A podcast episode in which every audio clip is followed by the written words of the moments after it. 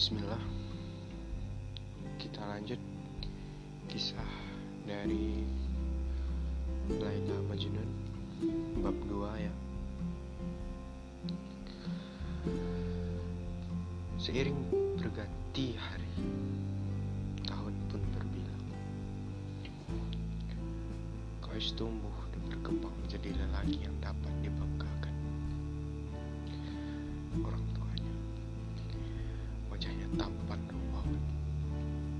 tinggi semampai pilar-pilar yang kokoh. Dan suaranya merdu laksana bulu belindu Sebagian besar orang tua beranggapan Anak merupakan kebanggaan kaum lelaki Untuk meneruskan keturunan. Begitu juga Syekh Omri sebagai seorang pemimpin Kembalilah mengidamkan putra sematawayang yang nanti tumbuh menjadi kebanggaannya Laksana denting piala tempat minuman yang selalu terdengar nyaring di telinga Atau simfoni surgawi. Berbagai pendidikan paling baik ia berikan kepada kelak tumbuh menjadi pemuda yang cerdas dan pandai.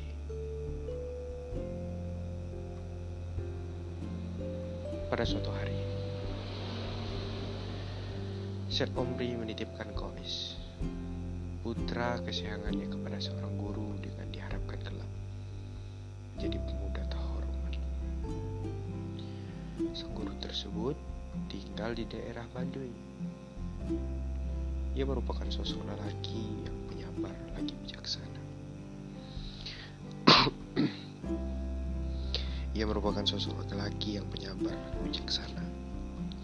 Ia merupakan cahaya pengetahuan, menguasai berbagai disiplin ilmu, dari yang sederhana sampai yang paling rumit. Ia adalah guru terbaik di seluruh jazirah Arab. Tak heran jika kaum bangsawan dan pangeran menitipkan putra-putri mereka kepada sang guru tersebut untuk diasuh dan dibimbingnya. Di sekolah sang guru tersebut, Kais tergolong anak yang cerdas dan tekun. Ia dengan cepat mampu menerima pelajaran yang diberikan sang guru.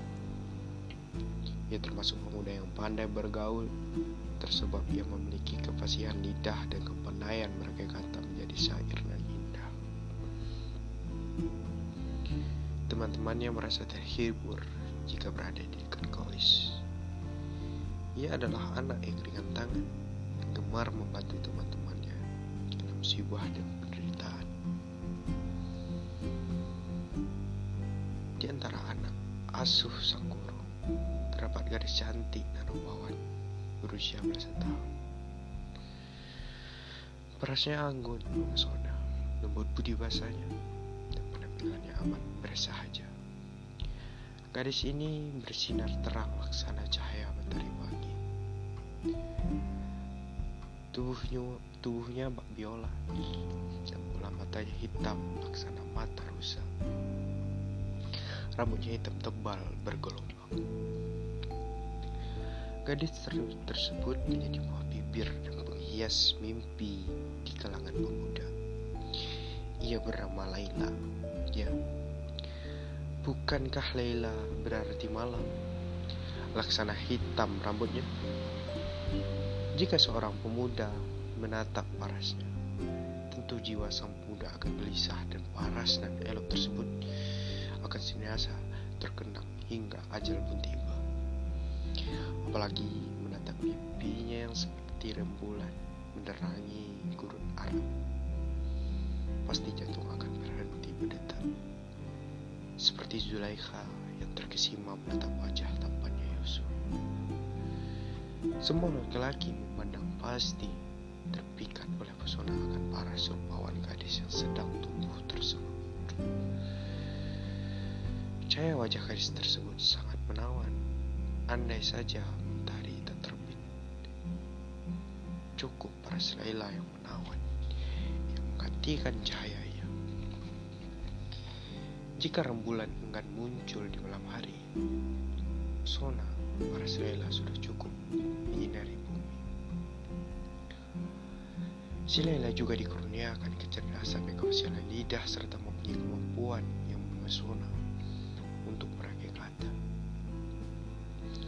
Sempurna sudah keperbedian dan kemuliaan gadis pujaan para pemuda. Banyak teman Laila enggan jauh dari sisinya Ke mana pun Laila pergi selalu ditemani kawan-kawannya. Seakan mereka hendak mengambil sisa-sisa pesonanya. Para pemuda pun turut berlomba menari perhatiannya. Berusaha menawan hati bunga yang sedang mekar-mekar. Para selaila laksana pusaran angin beliung yang mampu menyedot segala benda yang tertanam di Laila merupakan mahkota bangsa Arab yang dipuja dan dikenang selalu. Andai saja sang muda tak menatap parasnya, mendengar namanya disebut saja hasrat hidupnya dapat kembali. Kais sendiri sejak pertama kali menatap wajahnya, jiwanya langsung bergetar. Ia tak, ia tak merasakan bumi bergetar hingga merenggut hasratnya untuk menuntut ilmu. Kais belum pernah melihat keindahan yang mempesonakan laksana kecantikan Laila. Ia sungguh telah jatuh cinta pada mawar jelita Laila. Mukjizat cinta sudah merenggut ketenangan pikiran Kais. Gejolak gairah cinta dan jiwa membuat kehilangan akal sehatnya. Hingga lupa belajar dan lupa makan Tiada sedetik pun terlepas dari biangan mata jelita Laila. Tak ada suara yang menggetarkan jiwanya kecuali suara bidadari surga dan turun ke bumi sang Laila. Ketika melihat paras bunga Arab Laila, ribuan kata hendak dikeluarkan dari bibirnya. Tapi tidak ada bibir pun menjadi keluh untuk melukiskan pesona cinta. Nyala api asmara dalam hatinya semakin lama semakin berkorban. Akhirnya, kebesaannya hanya melamun dan merangkai syair. Bunyi syairnya seperti ini. Masa telah berlalu. Saat banyak manusia meminta bantuan padaku. Dan gini, adakah seorang penolong yang akan mengabarkan rahasia jiwaku pada Laila? Wahai Laila, Cinta sudah membuat gulung lunglai tak berdaya. Laksana anak hilang, jauh dari keluarga dan tak memiliki harta. Cinta laksana air yang menetes menimpa batuan waktu terus berlalu dan berbatuan itu akan hancur. Berserak bagi pecahan kaca. Begitulah cinta. Engkau bawa padaku dan sekarang hatiku hancur lebur hingga orang-orang memanggilku si dungu yang suka memerintah dan menangis. Mereka mengatakan aku sudah tersesat. Aduh, mana mungkin cinta akan menyesatkan. Jiwa merasa mereka sebenarnya kering, kelaksana dedaunan di terpa panas mentari. Bagiku cinta adalah keindahan yang membuatku tak bisa memejamkan mata. Remaja manakah yang dapat selamat dari api cinta? Itu bunyi uh, syairnya. Guys, bukan mengantang asap, tidak bertepuk sebelah tangan. Laila mahkota Arab mahkota Arab jua telah tertarik pada Kois. Sejak awal berjumpa, gadis tersebut juga melihat pesona yang memabukkan dalam pribadi Kois. Baginya, Kois bak gelas minuman. Semakin ditatap, semakin haus. Kekuguman Laila pada pemuda pujaannya tersebut hanya dapat diungkapkan lewat syair sama seperti komis. Dan semua yang terlihat dari manusia adalah kebencian, namun cinta sudah memberi kekuatan pada manusia. Kebanyakan manusia yang mencemooh hubungan kita sungguh mereka tidak mengerti bahwa asmara tersimpan di dalam hati. Cinta sudah mengakar dalam jiwa dua sejoli. Namun mereka tak mengendaki cerita cinta kasih mereka diketahui oleh orang lain. Cinta laksana ketus Jika tak berhenti hati akan tertusuk duri dunia. Duri dalam cinta sakitnya tak terkira. Belum pernah ada tabib obat ampuh yang mampu menyembuhkan luka tersebut tersebab tusukan duri cinta. Detik demi detik, cinta berkuncup dan bermekaran harum semerbak di dalam taman hati Kois dan Laila. Tetapi jiwa mereka masih malu-malu. Bibir pun serasa sulit untuk digerakkan. Hingga tidak kata-kata indah berayu yang terucap. Hanya mata mereka yang berbicara. Perasaan sepasang mata bola saling berpedangan. Maka sabda jiwa mereka seakan tak dapat disembunyikan lagi.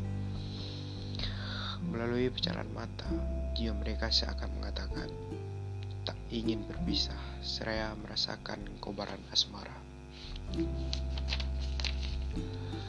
Memang madu asmara sangat indah dan mem memabukkan dan tiada yang lebih memesona selain khayal dan harapan. Kais dan Laila tidak peduli lagi pada pelajaran. Ketika kawan sejawatnya rajin belajar, sepasang merpati Kais dan Laila hanya terdiam dan saling bertatapan. Berusaha membaca apa yang tersirat dari mata orang yang dicintai.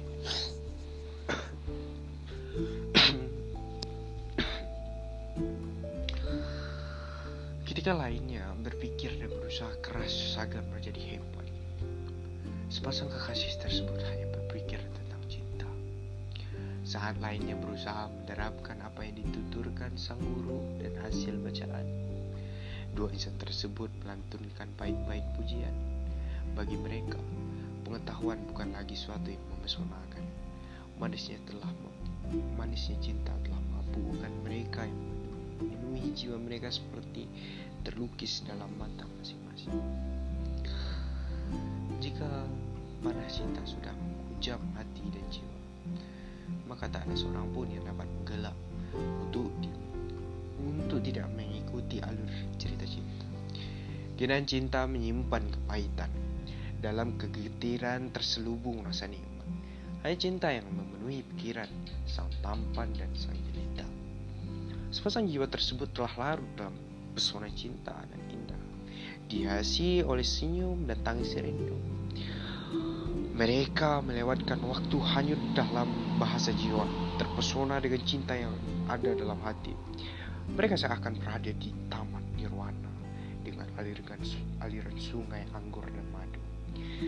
Jalan mereka seolah dihiasi oleh beraneka ragam bunga kata-kata mereka sehangat udara musim panas. Bagi sepasang kekasih tersebut, mentari seakan diciptakan karena cinta. Rembulan bercahaya juga tersebab cinta. Jika tak ada cinta, maka mustahil air laut sampai pantai. Demikianlah khayalan pemuda yang sedang ditawan cinta.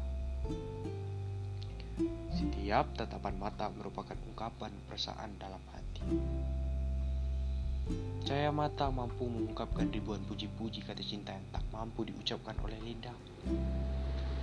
Gois yang yang telah terpesona keelokan, keanggunan dan kelembutan Laila membuat terbakar oleh api cinta. Siang ia kenang, malam ia impikan raut wajah Laila. Lelaki mana yang mampu menyembunyikan hasrat saat melihat rambut hitam ikal mayang? Bibir berkilau laksana batu rubi, mata hitam bening bercahaya, bak sinar rembulan pada malam hari. Ketika menatap keelokan semacam itu, tentu jiwa pemuda tersebut gelisah tak menentu. Melihat keajaiban semacam itu, pasti, pasti sang pemuda akan bersedia mengelilingi tujuh samudra untuk mendapatkannya. Sedang bagi Laila, Kois merupakan sang pencuri apalagi yang dapat dilakukan oleh sang gadis jika hatinya telah dicuri, kecuali ingin selalu berada di dekatnya. Sayur-sayur kois laksana angin lembut yang membuatnya terhanyut dalam air bah kerinduan. Bageri air laut hanyutkan butiran-butiran pasir jiwanya. Sepasang kekasih telah tenggelam dalam kemer kemerduan simfoni cinta, harmoni lembut kerap membuat manusia tidak waspada. Asmara yang telah membius pikiran dan jiwa membuat dua anak manusia tersebut hanya memikirkan diri sendiri tanpa memedulikan orang lain. Tiada seorang pun sadar akan ketetapan cinta nantinya. Mereka tidak menyadari bila kisah cinta mereka mulai menjadi bahan gosip orang-orang sekitar. Mereka tidak menyangka ada sepasang mata dan melihat dan menaruh curiga.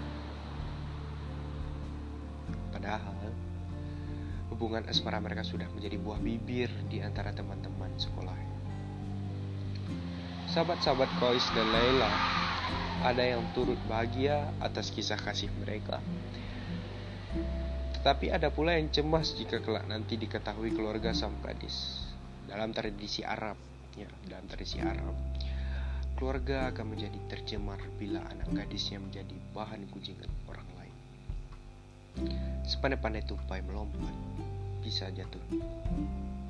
Sepandai-pandai membungkus bangkai, baunya dapat tercium juga. Demikian takdir yang mengintai sepasang kekasih kebahagiaan kebahagiaan yang mereka rasakan tidak lama lagi akan terenggut oleh malapetaka. Kisah asmara mereka tercium oleh keluarga Jelita Laila.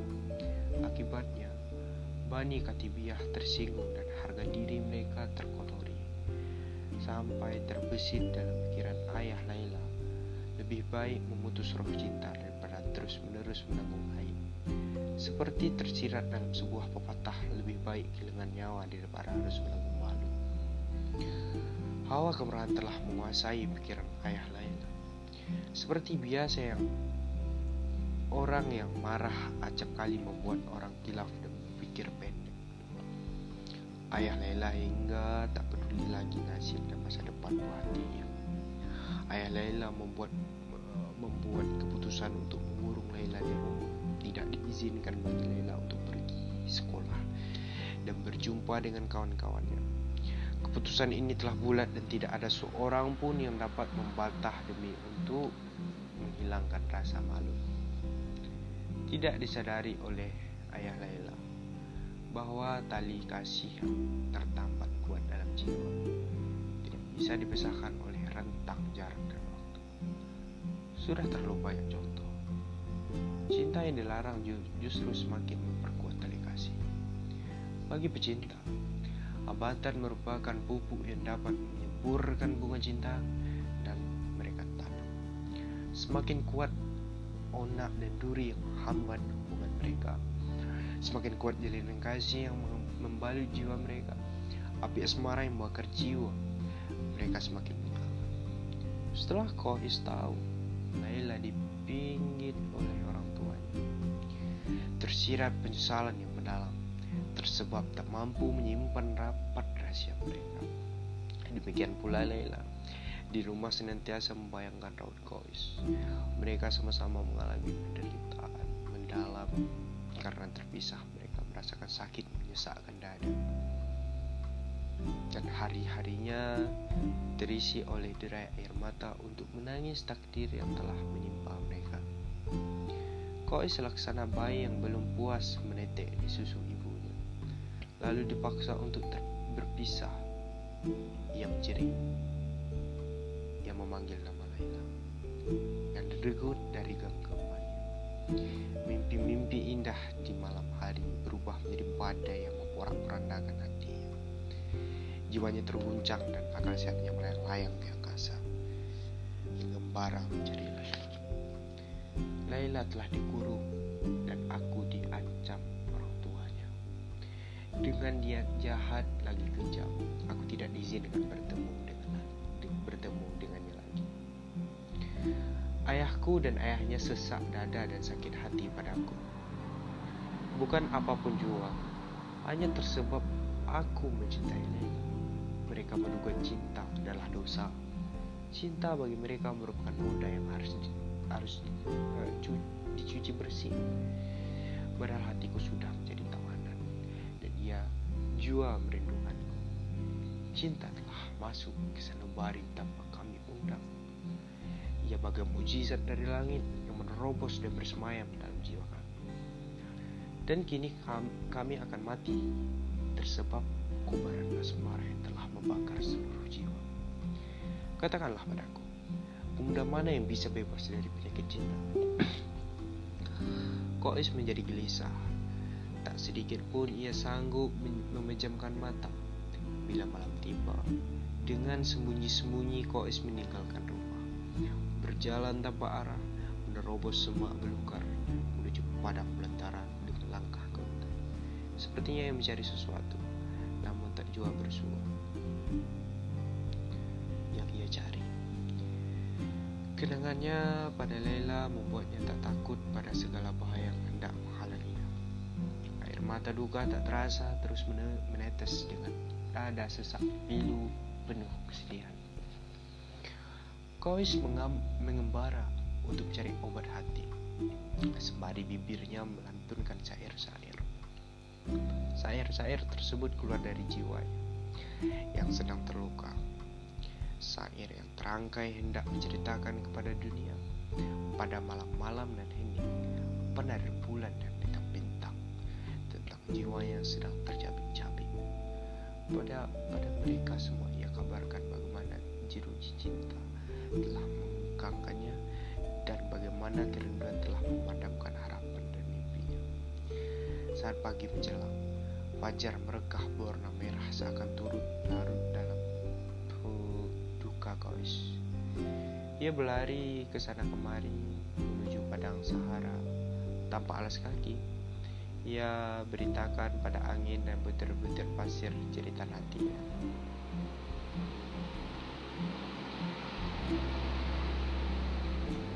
Jika kerinduan telah membuca sampai tak jelas batas antara siang dan malam, tak mampu membedakan hidup atau mati, kau selari dan mengendap-endap menuju rumah Laila. Ia memilih jalan yang sepi. Jika sudah dekat rumah, seolah-olah seribu sayap turut mempercepat langkahnya. Setiba di rumah si jelita, ia cumi dinding rumahnya dengan air mata mengalir deras di pipinya. Bila wajah kekasihnya tak didapat, maka cukup bagi Kois mencium dinding rumahnya. Sembari melantunkan syair-syair, dinding rumah tersebut di mata Kois adalah tubuh Laila. Tak peduli apakah Laila mendengar atau tidak lantunan syairnya. Duhai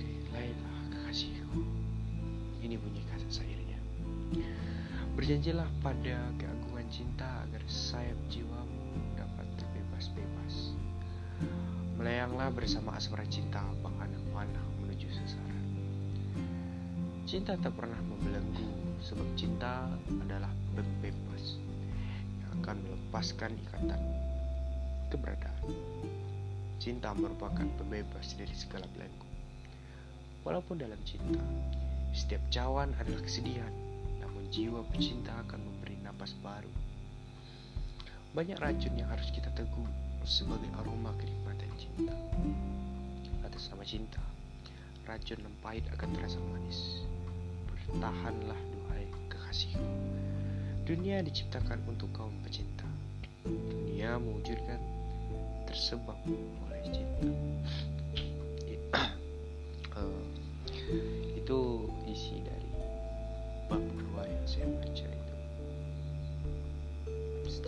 Kois beranjak ke mulai masuk sekolah kan.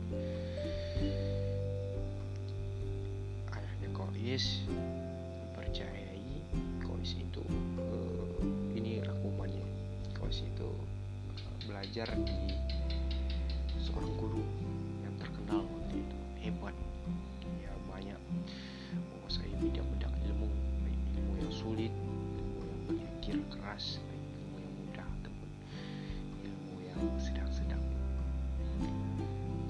itu tinggal di Arab.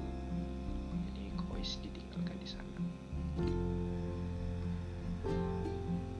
Sering berjalannya waktu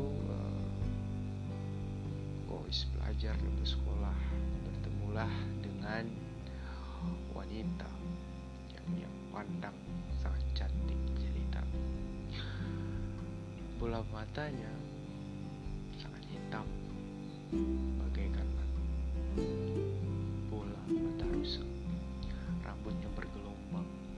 kulitnya putih kemerah-merah. Sila ini anak raja juga.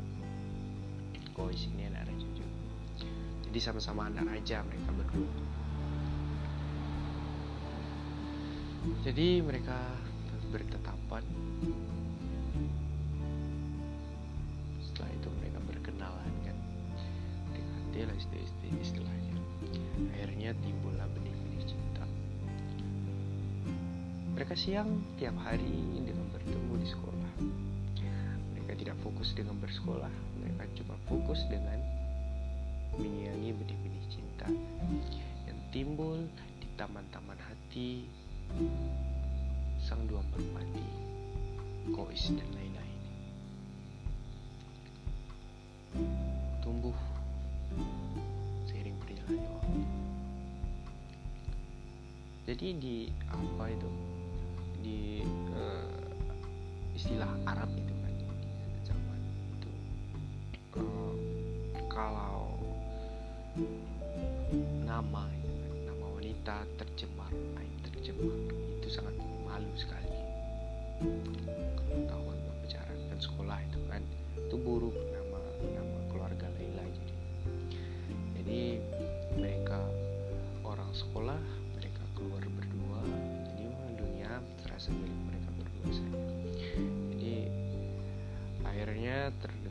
isu-isu ini yang dibicarakan oleh banyak orang itu kan.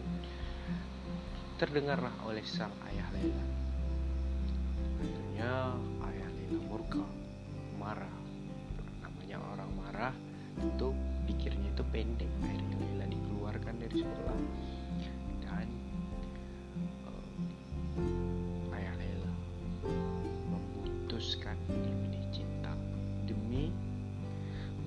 mempertahankan rasa malu jadi gitu. Akhirnya terpisah mereka. Kois ini pun uh, apa? Kondisi ini merasa kehilangan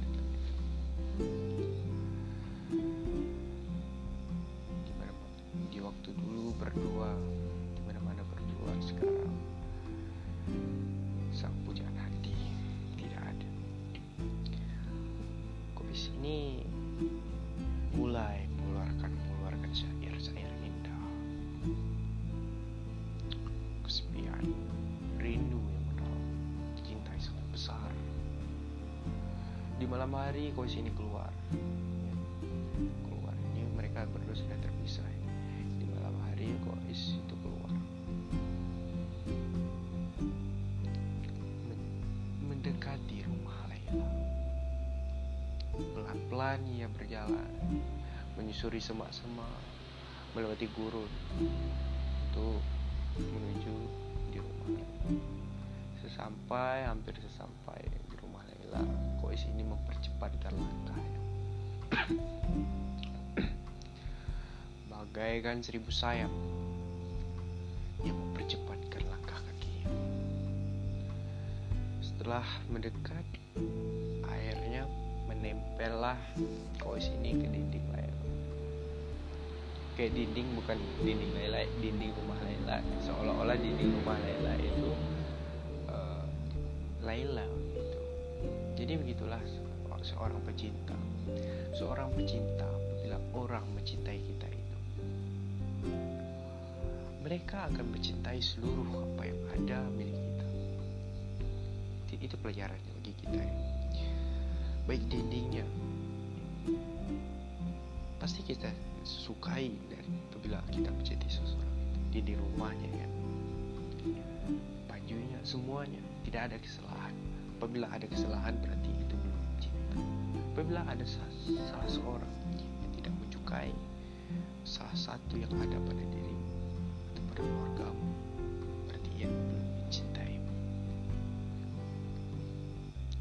Itu pelayarannya. Saya dia menciumkan rumah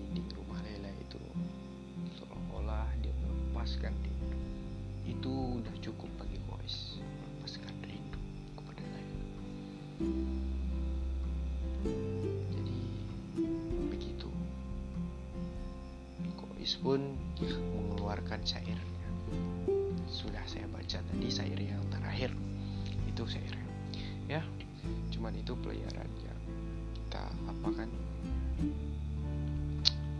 dapatkan pada hari ini. Saya sudah uh, saya masih belajar juga ya. Dengan dengan ini saya cara saya belajar saya beli buku itu kan.